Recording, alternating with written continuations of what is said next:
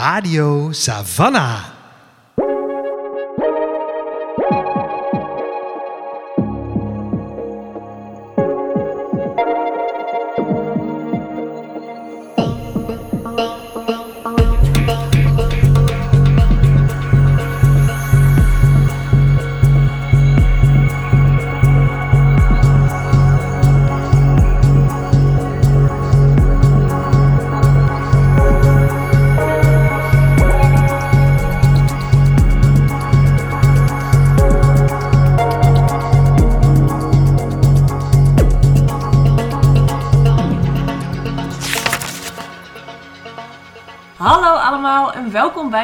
Aflevering van Radio Savannah, de podcast van Boekwinkel Savannah B. Ik ben Suzanne En ik ben Lola. en Boekwinkel Savannah B is een onafhankelijke boekwinkel in het centrum van Utrecht. Wij zijn gespecialiseerd in feministische literatuur. Voor ons wil dat zoveel zeggen als literatuur op het snijvlak van gender, dekolonisatie, queerness en het klimaat. En in elke aflevering van de podcast zetten we een boek, mens of verhaal in het zonnetje eh, die binnen die thema's past op allerlei verschillende manieren. En Mhm. waarvan wij eh, vinden dat diegene wat meer aandacht verdient.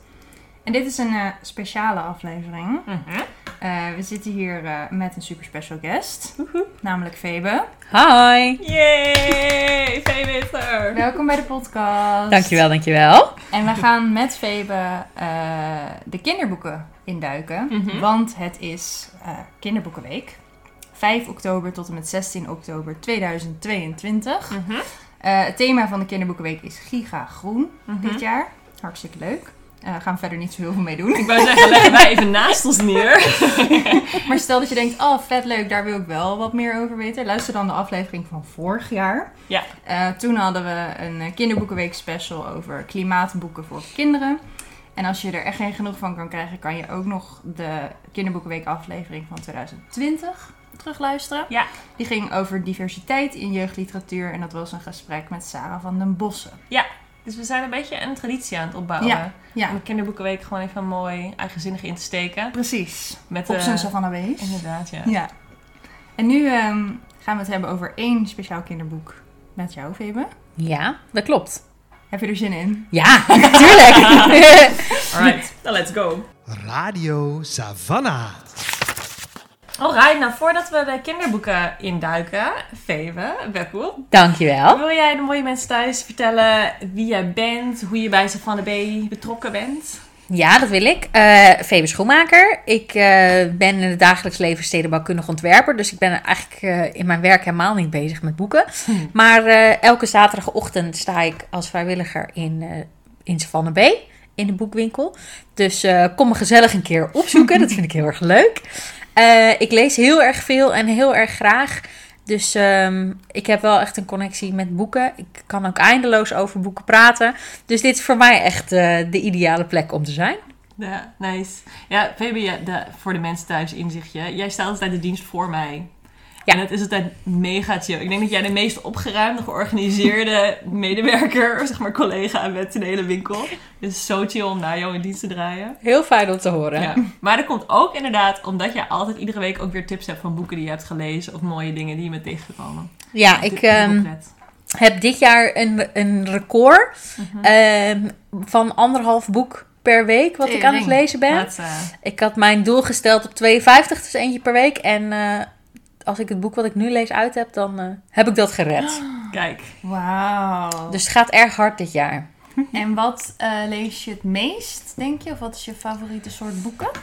Op dit moment lees ik heel veel ehm, over heksen en over magie en over ehm, eh, vooral hoe, hoe vrouwen een soort van ehm, ja, spannende dingen doen.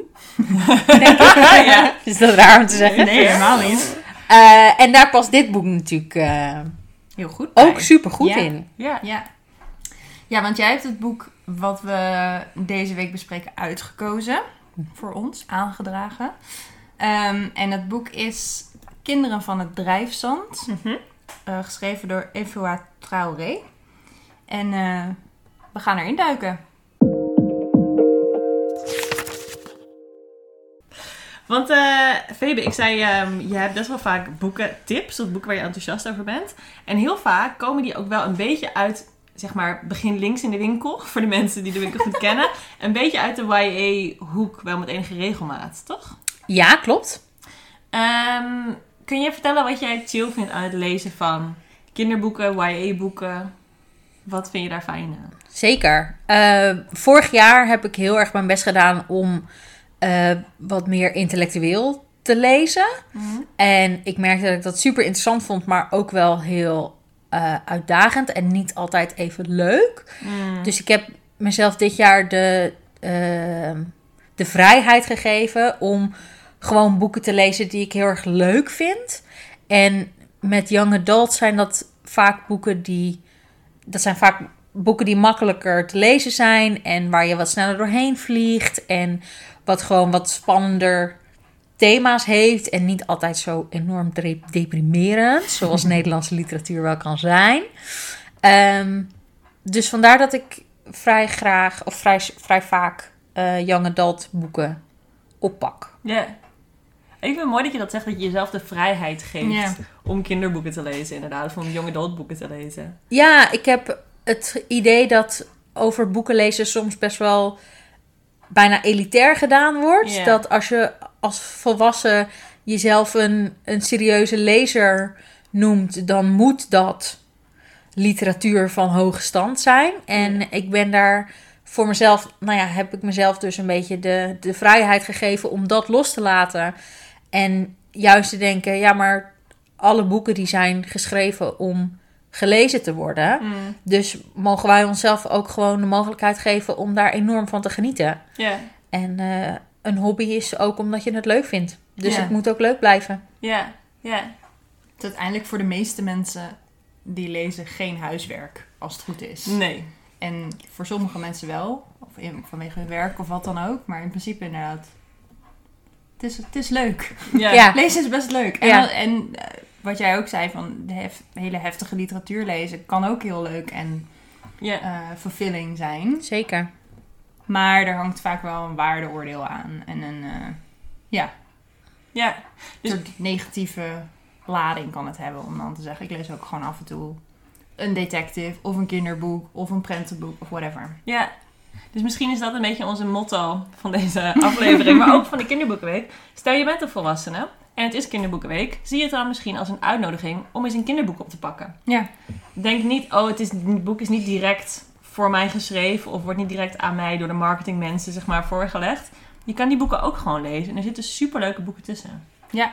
ja, en het gaat ook heel vaak over thema's die zo ja, menselijk zijn. Of ook, Mm. het gaat ook over de grote thema's waar je als volwassene tegenaan loopt. Alleen dan net vanuit een andere invalshoek.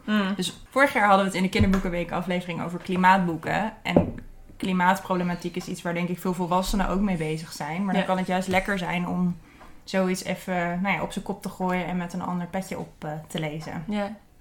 Lees jij veel kinderboeken, Lola? Medium. Mm. Medium. Eh, ik vergeet het wel eens dat je ook kinderboeken kan lezen. En ik haal mijn.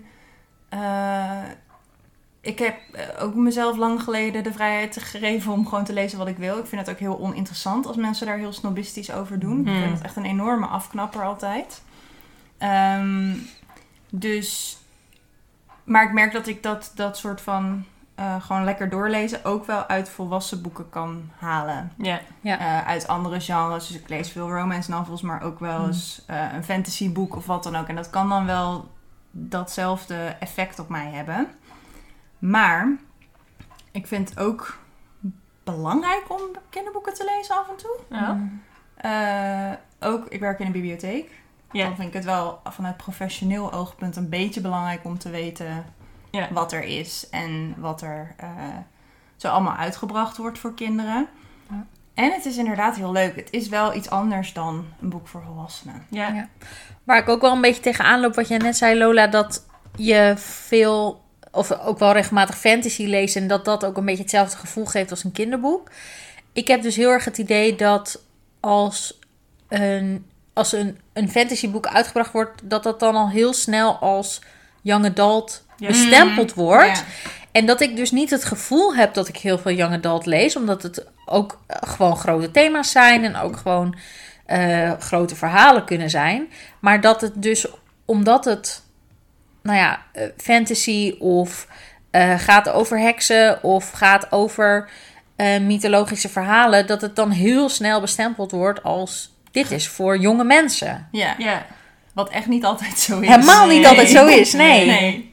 Nee. Nee, dus ik denk dat ik daarom, omdat ik juist graag wat meer fantasierijke, Ja. niet echt op deze aarde bestaande eh, verhalen lees, Ja. kom ik heel snel uit in de young ja, een adult. soort van bij default eigenlijk. Ja. eh, Ja. ja. Ja. Ja. Ja, daar, dat is ook wel eh, een reden voor volwassenen om kinderboeken te lezen, denk ik. Dat je, omdat kinderboeken heel vaak niet echt serieus worden genomen door volwassenen en critici en uitgevers, hebben schrijvers en makers van kinderboeken eigenlijk veel meer vrijheid. Omdat het minder gereguleerd wordt, wordt minder streng gerecenseerd. En daardoor kunnen ze eigenlijk veel meer verschillende dingen doen. Dus je kan veel makkelijker bijvoorbeeld een heks in een kinderboek zetten dan in een volwassen boek. Want anders dan moet je dat weer helemaal uit gaan leggen. Of je moet dat rationaliseren. Of er moet een metafoor zijn voor iets of zo. Terwijl in kinderboeken kan je gewoon een verhaal schrijven en daar een heks in doen. Omdat die regels veel minder strikt zijn. En daardoor heb je heel veel creativiteit in kinderboeken. Ja, en die genres zijn veel minder strikt. Ik denk Ja. dat als volwassene denk je misschien makkelijk sneller van... oh, ik lees altijd eh, literatuur met een hoofdletter L... en daarom kijk, kijk ik nooit bij de science fiction of zo. Ja. Terwijl over het algemeen, en dat is hier ook... staan kinderboeken gewoon georganiseerd op leeftijd. Ja. En daarbinnen kan je dan als lezer een beetje browsen. Ja, Waardoor al die genres ook minder... eh, ja, minder uit elkaar getrokken worden, zeg maar. En is het gewoon, hier zijn de boeken, kies maar. Ja. ja, en qua zeg maar, modaliteiten wordt er ook veel meer geëxperimenteerd. Mhm. Dus met vormgeving en met illustraties. En ik denk Ja. dat als volwassene denk je op een gegeven moment... ook plaatjes zijn bedoeld voor als je nog niet goed kan lezen. Ja. Soort van. Terwijl er natuurlijk met illustraties en vormgeving zoveel interessants kan worden gedaan. En volwassen auteurs doen daar bijna niks mee. Nee. Wanneer is de laatste keer dat je een volwassen boek las... waar ze interessante illustraties of vormgeving gebruikten? Of hoofdstukken een leuke titel geven. dat vind ik zo leuk. Als een hoofdstuk een leuke titel heeft. En dat zie je nooit in Nee. volwassen boeken. Weinig. Nee. Ja. Nee. Wist ik wel echt hoor. Ja, die speelsheid of zo. Ja, ja, Ja. precies. Een beetje, een beetje show of zo. Ja. Een beetje joligheid. Ja. Ja. Ja. Ja. Niet gewoon hoofdstuk 5. Ja. Ja, als het gewoon een hoofdstuk is. Ja, inderdaad, gewoon zo'n stemmetje. Ja, Of gewoon geen interpunctie, geen alinea's. Gewoon... maar dat is wel literatuur met een hoofdletter L. Dat lees Ja, ik dat is niet echt hoor. Suus, lees jij wel eens een kinderboek? Ja, ik lees heel veel kinderboeken. Maar ehm, dat komt ook voor een groot deel omdat ik ehm, een kinderboekprofessor ben. dus ik moet wel heel veel kinderboeken lezen. Ehm, dus het is soms ook wel een moedje, omdat ik denk ik moet bijblijven. Maar heel vaak ook dat ik bijvoorbeeld gewoon... eh, ik ga heel vaak op zaterdagochtend naar de biep. En dan ga ik altijd het kinderboek wat ik uit heb terugbrengen. En dan in ieder geval een nieuw kinderboek pakken. En dan kijk ik gewoon wat er is. Oud, nieuw, maakt me niet uit. Dan pak ik iets, zeg maar. En dan kom je zo vaak leuke dingen tegen. ja. En het is natuurlijk ook met een kinderboek, als je leest op een volwassen tempo, Je bent echt zo ben je er zo doorheen. Ja. Dus als het niet Ja. leuk is, maakt het ook niet uit. En als het wel leuk is, kan je hem gewoon nog twee, drie keer lezen. Ja. Ja. Ik denk wat ook nog wel... We zitten hier te pleidooien Ja. natuurlijk ook eigenlijk. Ik weet niet of iedereen dit doorhoudt, maar dit is een pleidooi. Ehm, wat nog wel goed is, denk ik, om wat ik nog wel wil zeggen, is dat we misschien als volwassenen ook de neiging hebben om de boeken uit onze eigen jeugd opnieuw te Mm. lezen. Mhm. Wat heel leuk is, dat kan je heel veel brengen en dat is hard, of heel interessant en dat is leuk.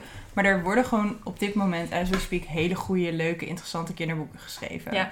Dus inderdaad, ga een keer naar de Biep of neus een keer bij de kinderboekenwinkel rond. Of hier in Savannah Bay bij het plankje om te kijken eh, wat er nieuw is. Want ja, De Brief voor de Koning is best wel oud. En dat is een heel leuk boek om te lezen. Of nou ja, noem ze allemaal maar op. Roald Dahl, et cetera. Al die, die eh, klassieke schrijvers. Maar er gebeurt zoveel. Ja, Zoveel leuks. ja. En Lola, je had een mooi boekje nog meegenomen. Oh ja, ja, ja. Ik we- wees er net van naar. Ja, die ga ik even plug- pluggen. Eh, dit is een boek van, geschreven door Catherine Rundell, denk ik. Rundell. Eh, een Britse kinderboekenschrijver. En dat boek heet Waarom je kinderboeken moet lezen, zelfs al ben je oud en wijs. Eh, met een voorwoord van kinderboekenambassadeur Manon Sikkel. Nou, speaking of boeken die je snel uit hebt, dit duurt, doe je denk ik eh 20 minuten over ongeveer. Het is een heel dun klein boekje te vinden. Ik heb hem bij de kinderboekenwinkel gekocht, maar te vinden bij al je onafhankelijke boekhandels. En eh, Catherine Rundell is een kinderboekenschrijver en die dus ja, nog veel uitgebreider dan wij hier nu doen, een pleidooi geeft van waarom zou je kinderboeken moeten lezen. Waarom is het onzin dat heel veel ehm, auteurs ook zeggen, nou, eh, de dag dat ik een kinderboek ga schrijven is eh, de dag dat ik, eh, weet ik veel, mijn hoed opeet of zo. Zeg maar dat, ja, dat ja. veel schrijvers die voor volwassenen schrijven er ook heel elitair en denigerend over doen. Ze noemt allemaal voorbeelden van, van dingen die kinderboeken met je kunnen doen en waar het allemaal goed voor is als Mm. lezer. Veel hebben er ook al van genoemd. Dus plezier, eh, de wereld even met andere ogen bekijken. ehm, en op een toegankelijke manier in aanraking komen met een ander perspectief. Ehm ja, dat kan ik helemaal aanraden. En er was één heel mooi argument op het einde. Wil je die nog voorlezen? Ja, wil ik. Dus zij, ehm Catherine Randell, die zegt allerlei eh, boeiende dingen ook over klassieke kinderboeken en hoe die heel vaak veel subversiever zijn dan we vaak denken. Dus ze noemt als voorbeeld Mary Poppins als een grappig, maar ook maatschappijkritisch boek. Nou, in de Nederlandse jeugdliteratuur zijn ook talloze voorbeelden ehm, te noemen. Ook omdat boeken vaak gaan over onrecht of Mhm. een soort van positie van onmacht waar een hoofdpersoon zich uit moet ehm, zien te werken. Mhm. En dan zegt Catherine Randell het volgende. Kinderboeken zijn speciaal geschreven om door het deel van de samenleving dat geen politieke of economische macht heeft gelezen te worden. Mensen die geen geld hebben, geen stem, niets te zeggen hebben over kapitaal of werk of overheidsinstellingen. Die over de wereld surfen in het besef van hun eigen kwetsbaarheid. En in dezelfde mate door mensen die nog niet door werk in beslag genomen worden. Nog niet bedreven zijn in het opleggen van hun eigen vooroordelen aan andere mensen en aan hun eigen hart knagen. En omdat we op veel momenten in het volwassen leven, ondanks wat we onszelf voorhouden, ook machteloos zijn, moeten we snel terug naar het kinderboek om herinnerd te worden aan wat we nog over hebben, voor wanneer we ooit helemaal opnieuw moeten beginnen. Fictie voor kinderen doet ook nog iets anders. Het geeft ons de kans om dingen terug te vinden waarvan we misschien niet eens weten dat we ze kwijt zijn. Ja. Nou, ze worden een beetje sentimenteel naar het einde van het Ja. argument toe. Maar ik vind het een heel mooi idee dat kinderboeken een, een genre van boeken is dat speciaal is geschreven voor personen die geen macht hebben. Ja, Hoe ziet een verhaal eruit? Hoe ziet een verhaaltraditie eruit? Als je je volledig richt op de mensen die niet de touwtjes in handen hebben. ja, Ik vind dat een super interessante manier om naar kinderboeken te kijken. ja, En ik denk ook, zij zegt, geeft aan van, goh, als volwassenen zijn we soms ook machteloos. Dus dan kunnen we in kinderboeken dat, dat herkennen. Maar ik denk, juist als we niet machteloos zijn als volwassenen, is het super waardevol om boeken te lezen voor mensen die niet in die positie zitten. ja, Ik vond dat een heel inspirerend argument. ja. Zeker, dus lees allemaal dit boek. Ja, Ook. Zeker deze kinderboekenweek. Dan word je weer herinnerd aan eh, hoe belangrijk het allemaal is. lees eerst even Catherine Rondell en pak dan een mooi kinderboek ja, zelf. precies, precies. En dan ben je weer een week verder. Nou, ehm, gaan wij in deze aflevering natuurlijk even eh, demonstreren waar we het net over hadden. Namelijk aan ieder, met iedereen delen hoe interessant, rijk kinderboeken zijn. Eh, en dat doen we met een eh, specifiek boek, namelijk Kinderen van het Drijfzand, geschreven door Evoa Traoré. Eh, het werd in Nederland uitgegeven door Leopold en vertaald door Challing Bos. Mhm. En mocht je Evoa Traoré niet kennen, dat kan kloppen. Eh, dit was haar eerste eh, gepubliceerde kinderboek. Haar nieuwe boek The House of the Shells kwam uit in juli 2022, maar is nog niet vertaald. Evoa ver- groeide op in een kleine stad in Nigeria en verhuisde op haar 18e naar Europa. Ze woont nu in München, dus ze is Nigeriaans-Duits. Eh, ze schreef Kinderen van het Drijfstand voor haar dochters, omdat ze geen spannende magische verhalen kon vinden die zich in Nigeria afspelen. Zo schreef ze het boek dat ze zelf had gemist. Eh, en Kinderen van het Drijfstand is dan ook een ode aan de verhalen van haar kindertijd.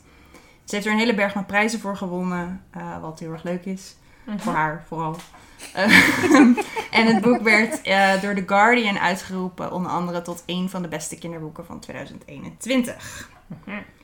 En ik denk misschien voor iedereen's begrip, eh, qua voor welk publiek dit onder andere bedoeld is, ik zou zeggen 9 plus. Ja. Om en nabij, 9 tot eh 15. zoiets. Ja. dus dat is een beetje de, de ja, het is een beetje grensgebied van YA, eh, zeg Ja. maar. Beetje de ondergrens van YA, Ja. inderdaad. Eh, het boek gaat over eh, Simi. En Simi is opgegroeid in Lagos, de hoofdstad van Nigeria, eh, met haar eh, ouders. En haar ouders die zijn recent gescheiden. En zij woont bij haar moeder. En haar moeder moet voor de zomer eh, naar Engeland voor haar werk. En zij wil niet aan haar vader vragen om haar op te vangen. Dus haar moeder stuurt haar naar haar oma in de jungle. En moeder en oma hebben eigenlijk geen contact meer. En Simi weet niet zo goed waarom. Ehm, en ze zit nou ja, een tijdje bij oma in de jungle en ontdekt daar van alles. En eigenlijk ook de reden waarom moeder en oma niet meer eh, met elkaar spreken. Haar eerste dag in de jungle komt eh, Simi er eigenlijk al achter dat er ehm, bad juju is daar. eh, mag- magie. En zij komt daarachter doordat zij betoverd wordt door een vogel die haar meeneemt. waar, waarbij ze door een meer van drijfzand valt. En daar een andere wereld ontdekt. En daar heel snel weer vandaan wil. Ehm, en vervolgens niet zo goed weet wat ze daarmee moet. Want ze weet niet of het echt gebeurd is. Of dat, het, eh, dat ze het allemaal gedroomd heeft. En kan daar dus ook niet zo goed over praten. Ehm, omdat ze daar ook een niet zo. eh, omdat ze zich ook een beetje beschaamd voelt over dat ze niet zo goed weet wat er gebeurd is. Ja, Ja. ze heeft geen, geen referentiekader ervoor. Dat Nee, precies. haar en ze is net een dag in een jungle terwijl ze in, in een grote uit een grote stad komt bij een oma die ze niet kent en dan, en dan ook nog dit. Ja. Ja. ja. Dat is een beetje de vibe. En dan gedurende het boek komt zij en wij dan als lezer ook, st- ontrafelt zij steeds meer het mysterie van wat haar nou daar overkomen is en waarom dat drijfzand er is. En eh, ja, En wat voor invloed dat drijfstand heeft gehad op haar familie en Ja. op de relaties tussen haar moeder en haar oma. Ja, ja. ja. En het is eigenlijk eh, het begin dus van Simi's ontdekkingstocht naar familiegeschiedenis eh, en, en de jungle en het leven in de jungle, maar ook heel concreet over een soort spirituele traditie waar zij eigenlijk helemaal niks van weet. Dus heel veel van de verhalen die verteld worden in Ayau, de gemeenschap waar haar oma dus woont, die gaan terug op verhalen van godinnen die ruzie hadden of eh, zoons die ontvoerd werden door geesten. Er is een hele verhalentraditie die mensen in Ayau gebruiken om te verklaren wat er zoal gebeurt in de wereld en met de gemeenschap en met de jungle en hoe dat allemaal samenhangt. Dus het is een heel andere soort van manier van kijken naar de wereld waar Simi instapt en waar ze zich een soort van wegwijs in moet zien te, te maken. Ja. En dat was, Febe, voor jou volgens mij ook een van de grote aantrekkingskrachten van het boek. Ja, omdat ik ben natuurlijk opgegroeid met eh Doornroosje en eh, hoe heet het, Assenpoester Mm. en eh, al dat soort prinsessen. Ehm, en ik weet dus eigenlijk heel weinig van volksverhalen buiten de Europese context. Want onze volksverhalen zijn natuurlijk vooral Duits, eh, van de gebroeders Grimm. Maar daarbuiten weet ik eigenlijk vrij weinig. Dus ehm, ik vond dit een hele interessante ehm entree in Afrikaanse volksverhalen. Juist omdat dit een kinderboek is, is het eh, laagdrempelig en ehm, begrijp je eigenlijk heel snel wat er aan de hand is. Ja. Ja, maar misschien voor een beetje context, de, de mythologie waar een soort van op gebouwd wordt en mee, mee eh, het verhaal eh, over gaat, is uit de Yoruba-cultuur. Ja. Ja. Eh, dus dat specifiek Nigeriaanse Yoruba-verhalen, zeg maar, is, is waar, eh, waar dit boek over gaat. Ja. Ja. Had jij daar al enige kennis over?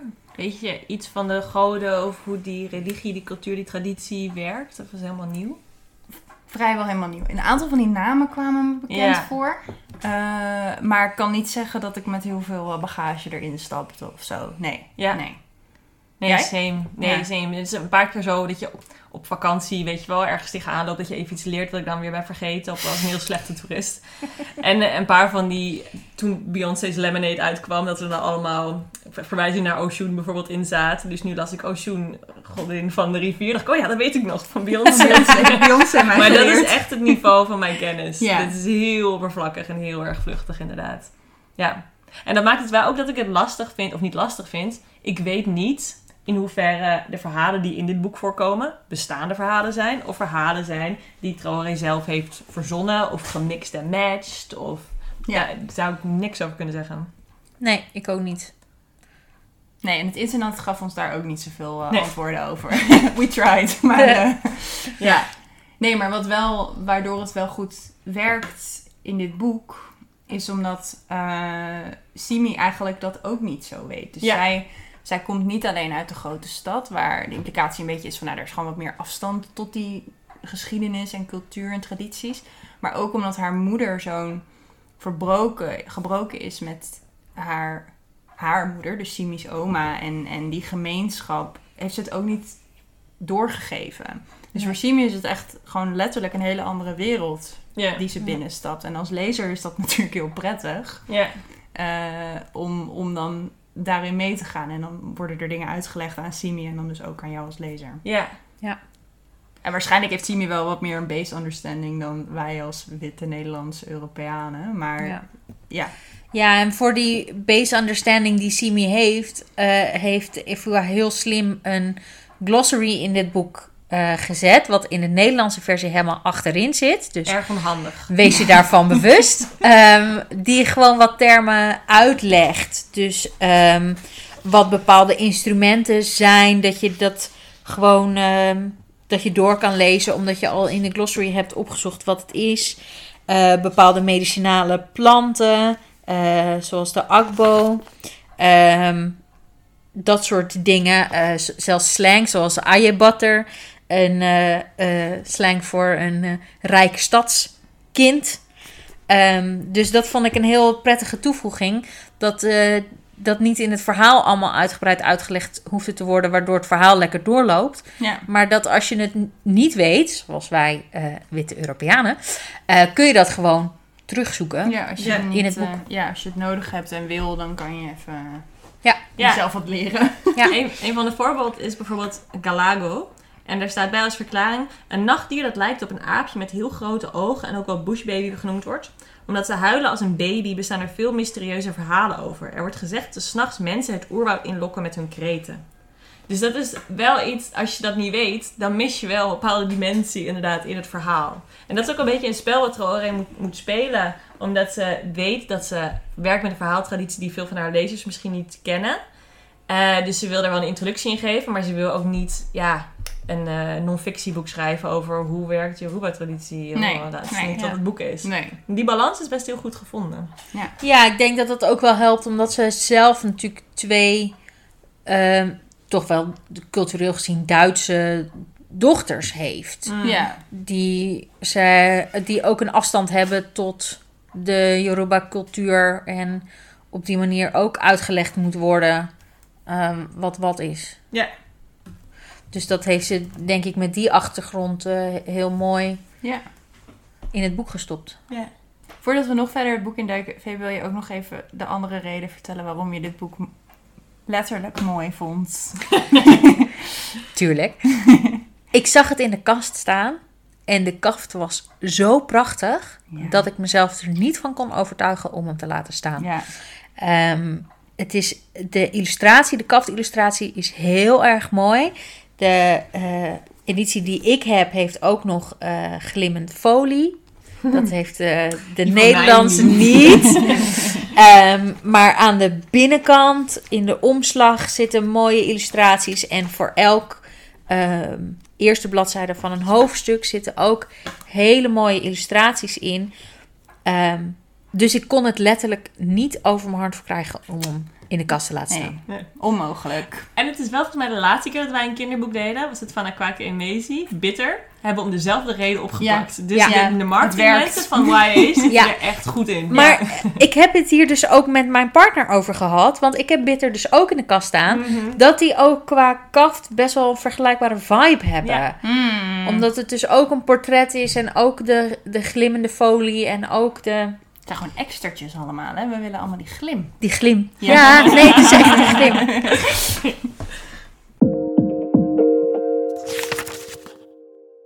Eh, voordat we verder gaan met ons gesprek, eh, onderbreken we eh, de aflevering eventjes voor ons rubriekje. Ons rubriekje. Ons rubriekje. Eh, dit is ons boekenplankje. Voorheen een eh, volledige aflevering, maar nu teruggebracht eh, tot, een, tot een rubriekje in een reguliere aflevering. Eh, en in dit rubriekje eh, nemen we je even mee ja, door ons eigen boekenplankje eigenlijk. Wat hebben we gelezen? Wat is ons bevallen? Wat raden we jullie aan op basis van ons eigen leesgedrag? Ja. Lola, wat heb jij gelezen afgelopen tijd? Nou, ik heb een aantal romances gelezen. Nice. Ehm, en ik dacht, ik licht er even eentje uit. Of eigenlijk één. Het, het worden er twee. Dit wordt duidelijk over minder dan een minuut. Eh, namelijk de eh, League of Gentle Women Witches. geschreven door India Holton. Eh, en dat is een serie. Dit is deel 2. Dat heb ik net gelezen. Er is ook een deel 1. En die heet The Wisteria Society of Lady Scoundrels. En dit is wel... Dit vind je leuk of je vindt het niet leuk? Ik Mm. vind het leuk, dus ik ga dit met jullie delen. Maar ik zal het kort houden. Ehm, dit zijn dus romance novels en die spelen zich af in Victoriaans Engeland. En ehm, de hoofdpersonages zijn iedere keer ofwel een heks of een ja, piraatachtig type. Uh, maar zij is, uh, die, die piraten zijn geen piraten op een boot, maar die zijn door een series of events be, bevrouwen die bemensen die vliegende huizen. Oh, Dat is raar, oké. maar wel heel grappig. en, en dus je moet je soort van, zeg maar, stel je voor van die dames uit Bridgerton of Pride and Prejudice, echt van die dames, Yeah. die dan dus met al hun gekibbel, geroddel, geachterklap ook uh, vet goed kunnen vechten of uh, magie tot hun beschikking hebben. Sure. Uh, en dan ook een vrij soort ambigu moreel kompas. Ja. Dus stelen, prima. Elkaar een beetje in de weg zitten, ook prima. Ja. Um, en dat dan met magie en een klein beetje romance. dat is het. Het, is heel, het maakt hele grappige grapjes de hele tijd. Het is dus heel raar. Daar moet je je even overheen zetten. Ja. Ik denk, je denkt de helft van de tijd, wat ben ik in godsnaam aan het lezen? Is het spannend? Nee, niet per se. Oké. Er is altijd wel een soort van kweeste of zo. Van, Ja. oh ja, er- nu worden we achtervolgd door iets of iemand. Of, oh, deze persoon is de bad guy. Maar de stakes zijn relatief laag, omdat ze elkaar de hele, zeg maar, het hele ding... Je hebt twee soort van gemeenschappen die rivalen zijn. En die zitten elkaar de hele tijd in de weg. Ja. Dan ze, oh, er komt Antonia weer. Gaat ze nou weer mijn eh, kunstbeen eraf jatten? Dat doet ze ieder jaar of zo. Een beetje, Ja, dat is, ja, ze zitten de hele tijd te kloten met elkaar. De, en ze zijn allemaal vrij arrogant en ook overtuigd van hun eigen kunnen en gelijk. Ja. En dan zit er ook nog een beetje romance in. Maar die is eigenlijk Secundair. secundair, zou ik willen zeggen. Oké. Dus als je denkt, ik wil... Het is wel erg hetero, dat zeg ik er maar meteen even bij. Ehm, moet je zin in hebben. Mhm. Maar als je denkt, ik wil even iets geks lezen... Ja. wat me weinig, wat weinig inspanning van me vraagt. Ja. Maar waar ik wel de hele tijd denk, huh? Ja. En dan met allemaal, ja, ik denk ook een beetje Britse grapjes. Ja. Eh, met een soort zelfbewuste verteller die ook snapt hoe belachelijk dit allemaal is. Ja. Dan zijn dit boeken voor jou. Cute. Het klinkt een beetje als de vrouwelijke Terry Pratchett. Ja, daar heeft het wel wat van weg. Ja, een beetje ook dat, dat zullige of Ja. zo. Dat kleine, zeg Ja. maar. Ja, Leuk. dus dat. Op het boekenplankje. Op het boekenplankje.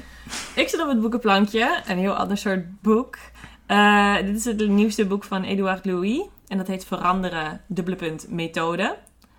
Dat is echt een hele pretentieuze titel. Het is een heel pretentieuze titel van een pretentieuze schrijver. Waar ik helemaal eh, verliefd op ben. Dit is het vijfde boek van Louis. En het is eigenlijk, ja, hij schrijft eigenlijk ieder jaar hetzelfde boek nog een keertje. En ik kan er geen genoeg van krijgen. Ik, hij heeft zo'n prachtige schrijfstijl. Ik kan me helemaal verliezen in wat hij zegt. Hij schrijft heel simpel eigenlijk. En hij vertelt altijd hetzelfde verhaal. En dat is een heel verdrietig verhaal. Het is het verhaal van zijn leven eigenlijk. Dus hij groeit op in het noorden eh, van Frankrijk. In een heel klein eh, stadje. eh, een industriestadje, zoals je dat in het noorden van Frankrijk nog hebt. Waar heel veel armoede is. Waar heel veel ehm, soort lelijke mannelijkheid regeert. waar mensen elkaar... ehm, waar mensen klein worden gehouden eigenlijk door de rest van de samenleving. Waar er wordt aangeleerd geen pretenties te hebben. Doe precies wat je vader deed, wat je grootvader deed, wat zijn vader deed. Ehm, en voor vrouwen dus wat je moeder deed, wat je, wat je oma deed, et cetera. En dat is heel beperkt. Ga naar school totdat je op een gegeven moment eh, daar klaar mee bent op 12, 13, 14 jaar. Dan ga je werken in de fabriek. Daar word je helemaal kapot gewerkt zonder ooit iets te verdienen. En dan uiteindelijk ja, reageer al die, die woede en frustratie op elkaar af. Dus het is een heel gewelddadige en ja, neerwaartse spiraal. En eh, Louis groeit daarop als ehm, gay jongetje die daar niet in past en die heel hard zijn best doet om eruit te komen. En uiteindelijk komt hij daaruit. En hij komt uiteindelijk, weten we, want het is een non-fictieboek, uh, komt hij terecht in de literaire wereld van Parijs en van New York. En hij gaat de wereld over. Hij is een ontzettend beroemde schrijver op dit moment. En in zijn boeken vertelt hij eigenlijk altijd over die spanning in zijn leven. Waar hij vandaan komt, wie hij nog steeds altijd is, waar zijn familie ook nog is. Uh, en hij heeft een heel mooie nuance in zowel het beschrijven van het, zeg maar, het onrecht dat hem gedaan is en de, de, ja, de, de haat echt die hij voelt tegen die omgeving waar hij vandaan komt. En hoe blij hij is met wie hij nu is geworden. En tegelijkertijd een heel goede uh, menselijke blik blijft hebben op de gemeenschap waar hij vandaan komt.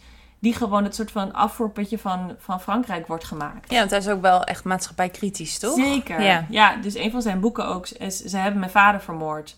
Hij kan ook gewoon naar zijn vader kijken. Hij, hij ziet dan het, het verdriet dat hij door zijn vader is aangedaan. Maar hij ziet ook het verdriet dat zijn vader is aangedaan. Ja. Door op te groeien waar hij is opgegroeid. En helemaal kapot te worden gewerkt. En dan weer geen uitkering te krijgen op basis van een heel kleine komma die hij niet gedaan heeft. Omdat hij ja, geen rechten heeft gestudeerd en niet precies weet wat zijn rechten zijn. En daar niet op wordt gewezen, uitgebuit wordt.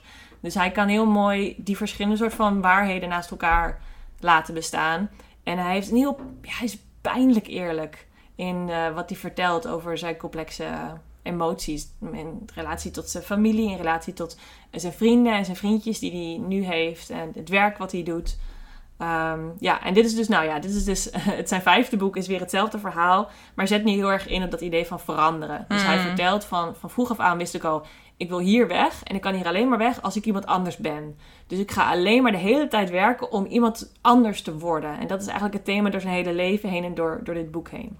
En vandaar dus de pretentieuze titel, veranderen, dubbele punt methode. Ja, Ja. sorry Eduard.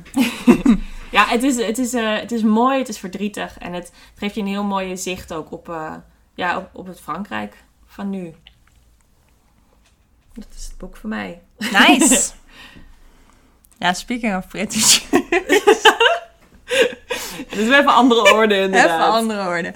Eh, ja, nee, speaking of pretentieus. Ik, mijn tweede boek voor op het boekenplankje is eh Middlemarch van George Eliot. Ik heb mij een aantal jaren geleden voorgenomen om elk jaar een klassieker te lezen.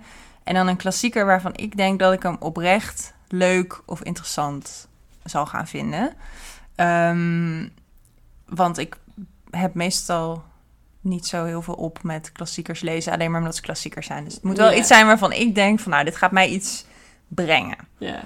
Eh, en toen dacht ik vorig jaar... Vorig jaar was het een groot succes. Vorig jaar las ik Jane Eyre. Nou, dat was enig. Eh, en toen dacht ik dit jaar... nou, waarom, waarom makkelijk doen als het toch moeilijk Ik wilde ik ga Middlemarch lezen van George Eliot. Eh, George Eliot is het pseudoniem van Marianne Evans, een eh, Britse vrouw die in de 19e eeuw in Engeland woonde.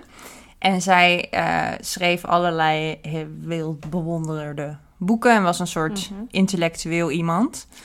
Ehm, in die tijd. Een intellectuele vrouw. Dat, eh, maar we schreven onder de naam George Eliot. En Middlemarch is haar beroemdste boek. Ehm, ik moet zeggen dat toen ik het uitkoos, ik niet wist dat het 900 nog wat pagina's had. dus daar, eh, nou, daar ben ik maar vast aan begonnen. Ehm, en eh Middlemarch gaat over, het vertelt het verhaal van een ja, dorp, een klein stadje in Engeland. Dat is eigenlijk alles wat ik erover weet. Eh, want, en hier is mijn oproep ook aan jullie. Ik ben net begonnen, ik ben bij hoofdstuk 4 ongeveer. Eh, en ik, dus ik heb het personage ontmoet. Er zijn allemaal dingen gebeurd. Wat me dan wel weer verraste. Ik dacht, oh, we hebben al heel veel plotpoints volgens mij gehad. Wat gaat er in godsnaam nog komen? Ja. Maar ik merk ook dat ik een beetje context mis. Ja. En toen dacht ik, goh, misschien bestaat er een leuke podcast of zo over George Eliot. Die heb ik tot nu toe niet Ah. echt gevonden. Maar stel, dit is een, een long shot, maar ik ga hem toch eruit gooien. Jij bent iemand die houdt heel erg van George Eliot of je zegt, oh, je moet echt die en die documentaire kijken of zo. Laat mij dat weten. Want ik weet niet helemaal goed wat ik aan het doen ben met dit boek. Ehm, En je moet nog 800 pagina's. en ik moet nog 800 pagina's. En het gaat gebeuren. Ja. Oh, is het op 31 december om kwart voor 12. Ik ga dit boek uitlezen. Ehm, maar het lijkt me leuk om iets beter te weten wat ik aan het doen ben. ja. Dan kan ik dat ook weer terugkoppelen naar de rest van de luisteraars. En naar Mhm. Suzanne, die mij eh, met lichtelijke medelijden zit aan te staren in dit verhaal. Ehm, ja, dus als je dat bent of hebt, dan laat het mij weten. Eh, via de socials van Savannah Beden komt het vanzelf mijn kant op. En dan, eh, nou ja, tegen de tijd dat ik het uit heb, dan horen jullie het. Maar dan moet ik dus nog even 800 pagina's door. Komt goed. Ja. Ik heb alle vertrouwen. Bedankt. Ehm, even kijken. Nou, laat ik dan de pretenties weer even een beetje afbouwen. Ja, heel goed. We kunnen niet eh, te hoog van de Hoewel, blazen het, is, hier. het, is een, het is een mooi boek wat ik gelezen heb. Eh, het was eh, van Julia Armfield, haar debuut. En dat boek heet Our Wives Under the Sea. En het is een boek wat ik heel random eigenlijk eh, in handen kreeg. En het zag er spannend uit, dus ik ben het gaan lezen. Ik heb een tijdje een eh, vuurtorenperiode gehad en daar leek het een beetje op in te spelen, op die romantiek. Het is namelijk het verhaal eh, van twee vrouwen, zijn getrouwd.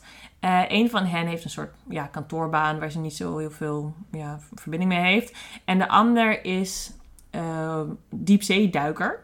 Sure. Dus in, ehm, hoe heet dat? In een capsule, zeg maar. Oké. In een onderzee onderzeeër. dit, is, dit is alles wat ik weet van diepzeeduiken. In een onderzeeër eh, de zee in en dan eh, data vergaren en dan boven komen om dat weer te analyseren. Dat is haar werk. Eh, op een gegeven moment, en dat, ze gaat telkens zo voor een paar weken, is ze dan weg, is ze onder water. Tot ze op een gegeven moment niet meer boven komt en maanden achter elkaar wegblijft. Uh-oh. En uiteindelijk toch weer terugkomt. En het, het verhaal, het boek begint dus wanneer zij alweer een tijdje terug is, een paar maanden thuis is. En de twee vrouwen elkaar eigenlijk helemaal niet meer kunnen begrijpen. Want de vrouw die is thuisgekomen is zo veranderd dat ze niet meer echt kunnen communiceren. Hmm. En de hoofdstukken zijn telkens de vrouw die is thuisgebleven, die eh, volledig gefrustreerd raakt. Eh, en de- je leert steeds meer haar kennen, alles wat zij probeert te doen om haar vrouw weer, weer terug te krijgen. Steeds wanhopiger, maar ook heel duidelijk een soort van oud trauma bij haar. Alsof de zee interessanter zou zijn. Alsof haar vrouw liever bij de zee zou zijn dan bij haar. Eh, de vrouw die is teruggekomen is namelijk ook steeds meer... Begint, haar huid begint een beetje te veranderen. Ze, begint, een- ze wil zout water drinken. Dus er zit iets heel freakies is er met haar aan de hand. Het bedrijf dat haar de zee heeft gestuurd... laat op een gegeven moment ook niet meer van zich horen. Ze krijgt geen informatie meer. Dus er is daar een soort van horrorachtig iets gaande. Eh, en die hoofdstukken zijn dus afgewisseld met de hoofdstukken van de vrouw die onder water ging, terwijl ze onder water was. Dus langzaamaan krijg je telkens snippets van informatie van wat er daar met haar gebeurd is. En dat is heel spannend. Ja, dus ik vind het nu al spannend. Het is heel spannend. En het is, ehm, het is een mooie combinatie van gewoon echt wel... Ja, als je een beetje van zeg maar horrorachtige verhalen houdt... Het wordt nergens echt verschrikkelijk. Maar er zit wel die, die beetje horrorachtige sensibiliteit zit erin. Een mooie combinatie van dat. En echt gewoon een mooi soort van huwelijksportret. Ja. Van twee vrouwen die samen horen, samen willen zijn... maar elkaar niet meer, niet meer kunnen vinden... door iets ja, traumatisch wat er, wat er gebeurd is. En het was een heel mooi, eh, het was een heel mooi boek. En het is best een mooi soort van afgesloten geheel. Mm. Van begin tot eind. Lees je het en dan is het, dan is het klaar. En dat is wel een, eh, een aanrader.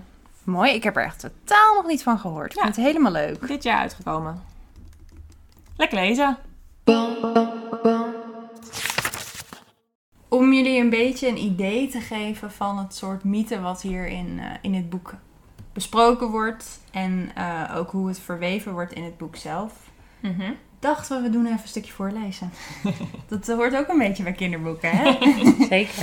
Eh, dus, eh, nou, take it away. Dit is een ehm, hoofdstuk waarin grootmoeder Iyanla aan Simi uitlegt wat het verhaal is achter de kinderen van het drijfzand. En dat begint zo. Het was heel lang geleden, begon ze zacht. In de tijd dat de afstand tussen de mensen en de goden en godinnen nog niet zo groot was. Er leefde hier een vrouw die Aduni heette. Ze had een zoon, Laio, van wie ze meer hield dan van wie of wat ook. Aduni hield zoveel van Laio dat ze nooit meer een ander kind wilde krijgen. Ze kon zich niet voorstellen dat ze haar liefde over hen zou kunnen verdelen. Daarom weigerde ze haar man nog meer kinderen te schenken en hij moest een andere vrouw nemen. De mensen zeiden tegen Aduni dat het niet goed was om zoveel van een kind te houden, maar ze wilde het niet horen. Laio was alles voor haar. Maar op een dag gebeurde er iets vreselijks. Laio ging in de meer spelen en verdronk. Simi voelde dat haar handpalmen begonnen te zweten toen Ianla over het meer vertelde. Ianla staarde in de verte en keerde zich naar het oerwoud. Aduni was er kapot van. Ze weigerde te eten en treurde maandenlang. Ze ging naar het meer en bad tot Oshun, de godin van de wateren en rivieren. Ze bad zeven dagen en nachten zonder te eten. De godin antwoordde niet, maar Aduni gaf het niet op. Ze beloofde Oshun dat ze zolang ze leefde elke dag zeven kalebassen vol zou huilen met tranen, als Oshun haar zoon zou teruggeven. Ze ging elke dag naar het meer en huilde zeven kalebassen vol. Op de zevende dag kreeg Oshun eindelijk medelijden met haar. Ze ging naar haar zuster Oya, de godin van de wind, die ook de poort bewaakte naar het land van de Egoen, de doden. Oshun vroeg haar om de jongen te laten terugkeren, maar Oya weigerde. Het geeft alleen maar problemen als we de doden terug laten komen. Dat moeten we niet doen. Oshun bleef aandringen en Oya dacht er een paar dagen over na. Uit liefde voor haar zuster gaf ze tenslotte toe, maar met veel tegenzin. En dan verweven, wat gebeurt er dan? Dus Oshun heeft Oya ervan overtuigd om eh Laio terug te laten in eh, eh, de land, het land der levenden. eh, onder de belofte dat Aduni, eh, de moeder, elke dag alsnog zeven kalabassen vol zou huilen. Maar ja, de zoon was natuurlijk teruggekomen. Dus op een gegeven moment vergeet je hoe ongelukkig hij was. Dus ze vergeet of ze, ze gaat steeds minder huilen. En Oshun wordt hier heel boos om. Want ze hebben een deal gesloten en daar houdt ze zich niet aan. Dus eh Oshun, de godin van het water, eh, laat de rivier opzwellen en eh, overstroomt het hele dorp en sleurt Laio mee. Aduni kan het niet over haar hart verkrijgen om nog een keer Laio te verliezen en verdrinkt zichzelf in de rivier. Als Oshun met Laio opnieuw bij de poorten van het dodenrijk aankomt, zegt Oya dat ze hem niet voor een tweede keer kan toelaten. Dus bedenkt Oshun een, eh, een rijk, een, een wereld. Dus bedenkt Oshun een wereld onder het drijfzand waar Laio eh, zijn, de rest van zijn dagen kan eh, besteden. En dat is een prachtige wereld. En waar hij heel gelukkig is, maar wel eenzaam.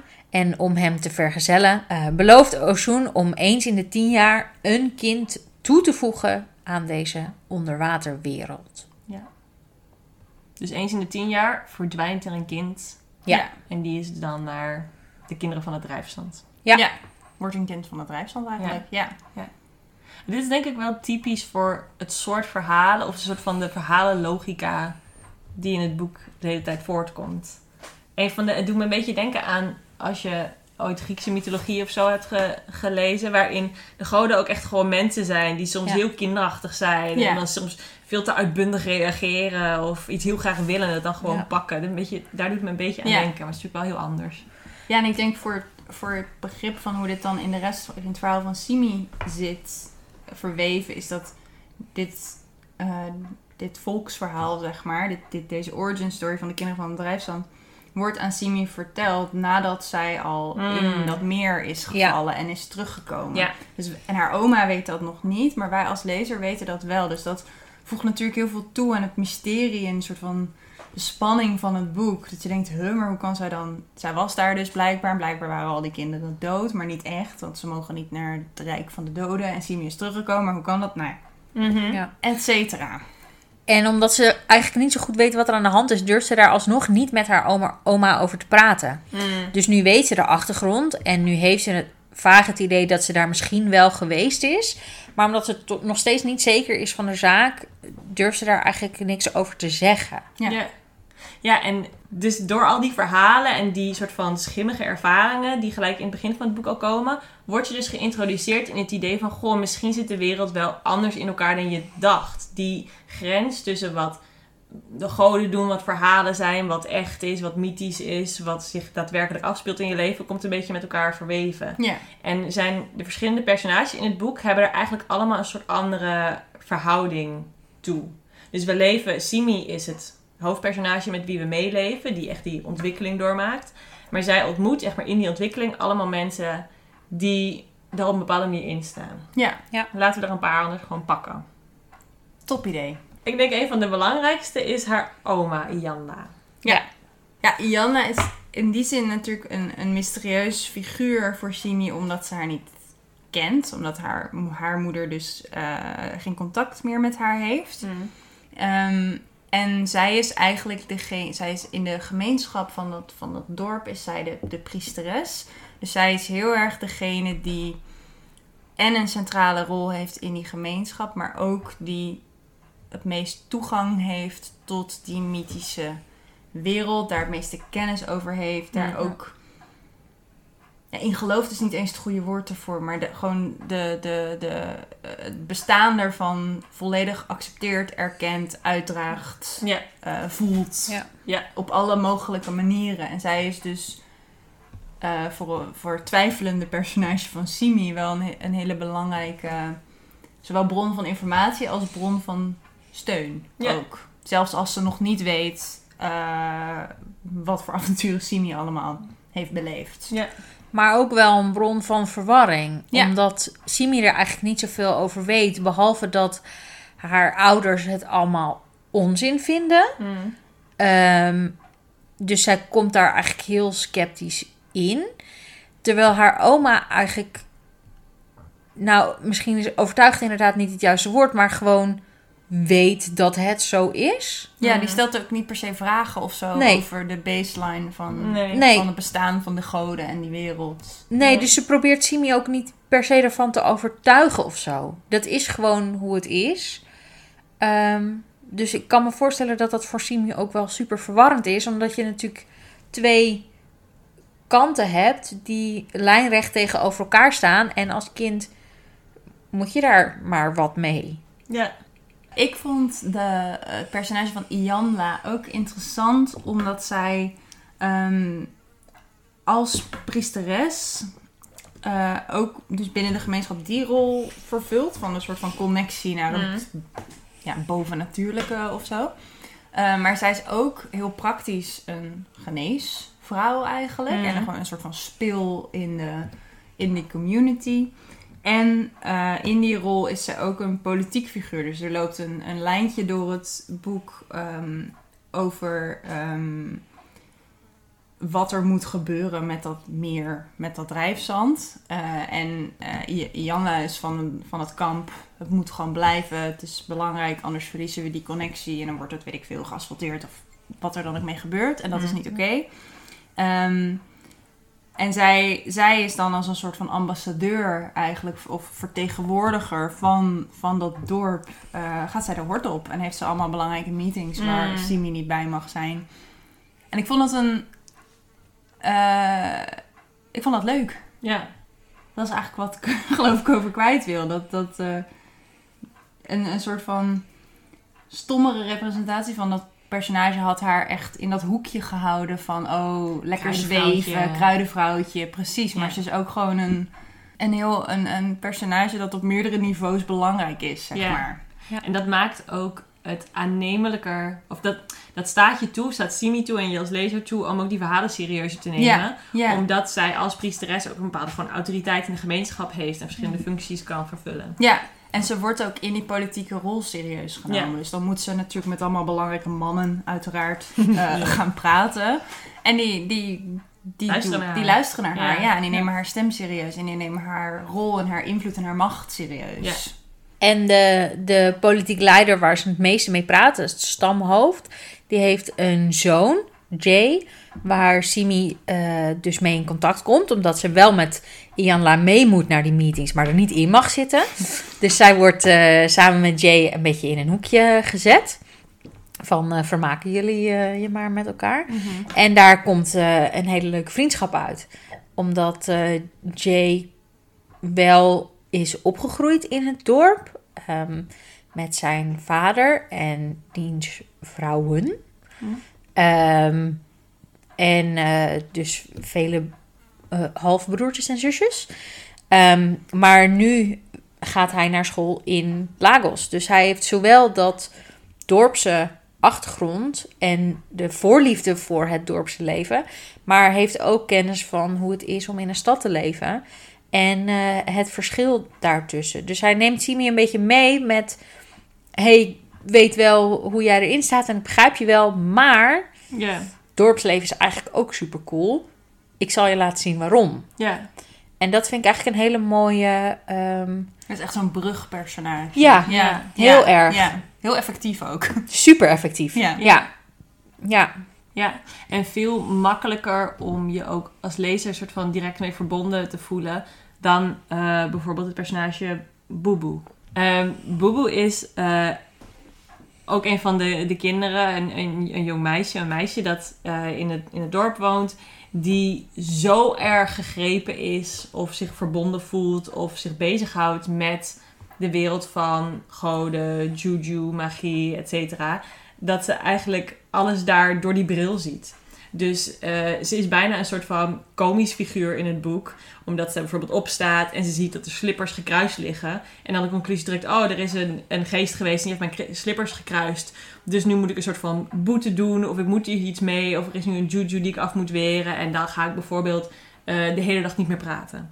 Of ik moet bepaalde handelingen uit gaan voeren. En dat wordt vaak een beetje komisch neergezet. Omdat Boobie dan weer, weer niet kan praten. Of die is weer iets geks aan het doen. Omdat er weer een bepaalde juju die ze heeft gevonden in het leven. Maar soms is het natuurlijk ook best wel tragisch. Hmm. Omdat Ja. dat meisje heel erg het idee heeft dat ze de hele tijd rekening moet houden met slechte geesten of dingen die op haar afkomen, die ze niet af kan weren, die ze toch probeert te bezweren met allemaal soort van zelfverzonnen rituelen.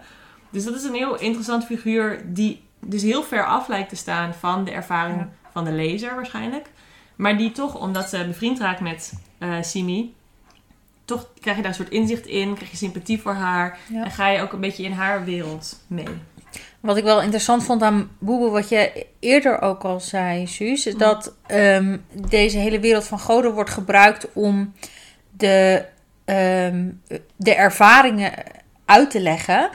En Boeboe is zich, eh, naar mijn idee, heel erg verloren in de wereld van de goden, Mhm. omdat haar ouders allebei uit het dorp getrokken zijn om werk te zoeken in de grote Mm. stad. En haar hebben achtergelaten bij haar oma. Ja. En zij zich heel erg, ehm, ja, heel erg verlaten voelt door haar ouders. En dus een oorzaak zoekt of een reden zoekt waarom haar ouders er niet meer zijn. Dus zij verzint ook allerlei redenen waarom haar ouders er niet meer zijn. Op een gegeven moment zegt ze dat haar vader is opgeslokt door een slang of zo. Ja, ja. Dus eh, zij bedenkt allemaal eh, redenen waarom haar ouders er niet meer zijn. En zij zoekt heel erg eh, die connectie met het spirituele. En zij verliest zichzelf daar heel erg in. Ja.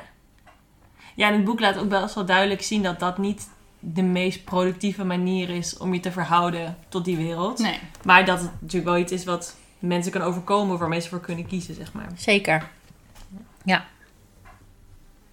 Hadden jullie een favoriet personage in het boek? Waarvan jullie hoopten dat die weer terug zou komen of waar jullie het meest van wilden weten? Ik wilde vooral heel graag terug naar dat drijfzand. Mm. merkte ik. De, ik vond de personages heel innemend en, en eh, ik kon ook wel zien welke functies ze vervulden in het verhaal. Eh, en waarom ze nuttig waren, zeg maar. Ja, Ehm, maar ik vond dat drijfstand zo spannend. ja, ja. en die ja. wereld daar. Het had ook een beetje een, een soort. ehm, de, de, op een gegeven moment wordt duidelijk dat dat drijfzand, die drijf, drijfzandwereld, zeg maar. Dat dat eh, in eerste instantie heel mooi was voor, voor eh, Lau die daar woonde. Woonde, maar. ehm, Ja.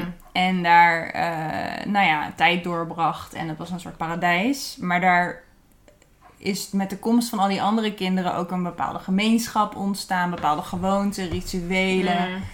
eh, conflicten. Mhm. Daar gaat ook niet alles helemaal... Het loopt daar allemaal niet op rolletjes. En dat was wel heel spannend. Ja, wat is daar Ik- gebeurd? Wat is daar gebeurd?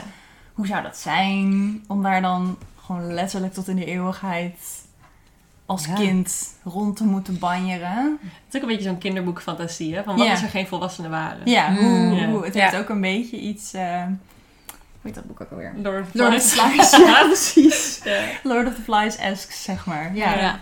ja. Ja, ik vond zelf ehm, juist de relatie met Jay ook heel erg leuk. Ehm een scène die er voor mij heel erg uitspringt is de, dat ze op een gegeven moment een dag met elkaar besteden. Dat Jay zoiets heeft van kom, ik ga je gewoon laten zien wat ik gaaf vind Mm. aan dit dorp. Ehm, En eh, ze trekken de jungle in en hij laat haar allemaal fantastische plekken zien.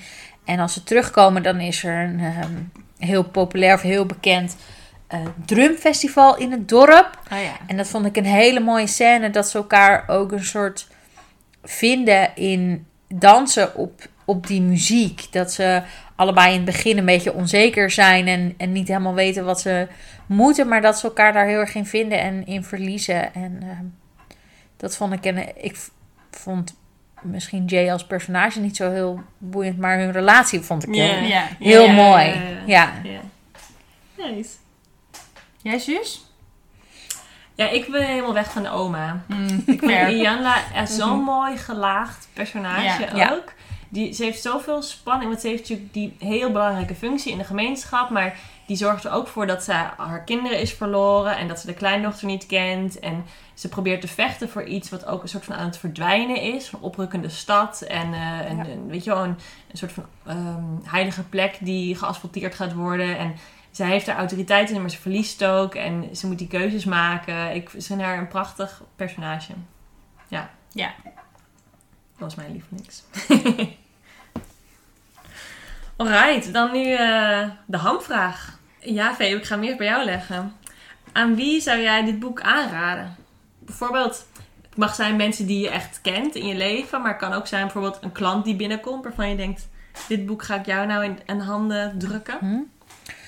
Eh, ik heb dit boek al aan een hele hoop mensen aangeraden. Ik heb het gehoord, ik heb het er horen doen. Voordeel van de, van de boekverkoper. Ja, nee, tuurlijk. Ehm, ik raad dit boek heel erg aan aan mensen die op zoek zijn naar iets. eh, nou, fantastisch, om het maar Mhm. zo te zeggen. Dus eh, fantasierijk, eh, bijzonder, eh, niet je doorsnee verhaal. Ehm, maar wat wel heel toegankelijk is en niet al te ingewikkeld geschreven. Ehm, dus zeker mensen die zoiets hebben van... hé, hey, ik heb al heel lang niet meer gelezen en ik wil weer opnieuw beginnen. Of hé, hey, ik heb allemaal niet zo'n hoog leesniveau... maar ik zou heel graag een tof boek willen lezen. Wat zou je aanraden? Ehm, en voor specifieke personen zou ik het mijn moeder aanraden. Ja? Ja, Hoezo? ja, mijn moeder die eh, leest heel graag en heel veel. En die leest nu eh, een hele hoop zware literatuur met de hoofdletter L. en ik weet dat ze heel erg van kinderboeken houdt. Ja, Ehm, dus ik denk dat dit voor haar ook een mooi boek is. nice. Leuk. Heb jij er eentje? Ja, ehm, het is wel een beetje een open deur, maar ik zou dit. We hebben het natuurlijk veel gehad over waarom je als volwassene kinderboeken zou moeten lezen. Maar ik zou dit ook echt aan kinderen aanraden. Ja. Ja, Eh, en ik denk, wat jij ook zegt, Febe, zowel. Het is een heel toegankelijk boek, dus ik zou het zowel aan kinderen aanraden die misschien. Nou ja, niet de allergrootste lezers zijn. En dan Mhm. misschien een net wat ouder dan die 9, zeg maar, van Ja. de 9 Ja.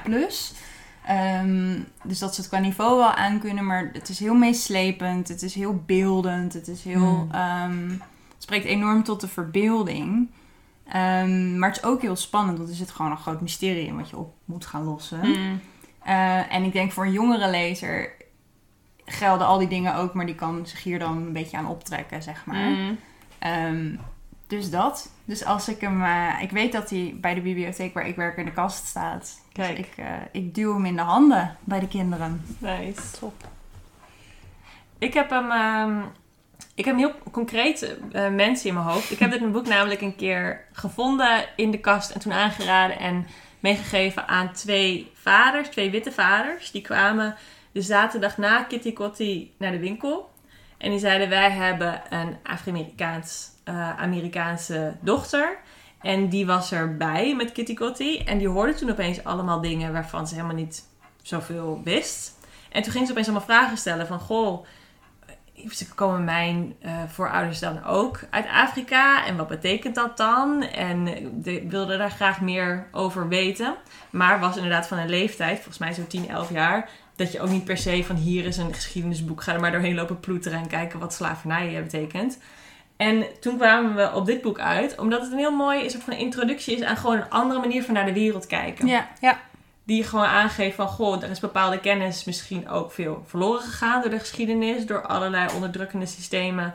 eh, en exploitatie. Maar die kennis bestaat nog en wordt doorgegeven. Bijvoorbeeld door, heel mooi, door een boek als dit. Ja. Dus dat is een heel concreet, twee hele concrete mensen aan wie ik dit boek heb meegegeven. Ja. En die mogen eh, gewoon terugkomen en nu het nieuwe boek van Trouwen komt komen. Nee, denk ik niet. Nou, met deze ronkende aanbevelingen zijn we aan het einde gekomen van deze Kinderboekenweek special en deze aflevering van Radio Savannah. Als je het leuk vond en graag mee wil kletsen met ons over kinderboeken, over eh, volksverhalen, over alle boeken eigenlijk, maar, hè? Ehm, dan zijn wij te bereiken op alle social media van Savannah B, het Savannah B. Je kan ook een recensie achterlaten in de podcast-app die je gebruikt. Je kan je vrienden erover vertellen. Je kan je vijanden eraf. Je vijanden mag ook, die kunnen wij wel hebben. Ehm, dus eh, spread the word en ehm, abonneer je op, op, op ons kanaal. Als je nou graag eh Febe tegen wilt komen in levende lijven, kun je op zaterdag naar de winkel komen. Eh meeste zaterdagochtenden van 10 tot 2 eh, ben ik in de winkel te vinden. En als je precies op het juiste moment komt, bij de wisseling van de wacht, Dan eh, bedanken wij natuurlijk in eerste instantie Febe dat je erbij was. Ja, heel erg leuk. Bedankt dat ik mocht komen. En wij bedanken zoals altijd Gooflux voor het maken van onze themesongs en Rieke Blom voor het maken van onze logo. yes. We bedanken jullie voor het luisteren. En dan eh, zeggen we tot de volgende keer. Dag! Bye.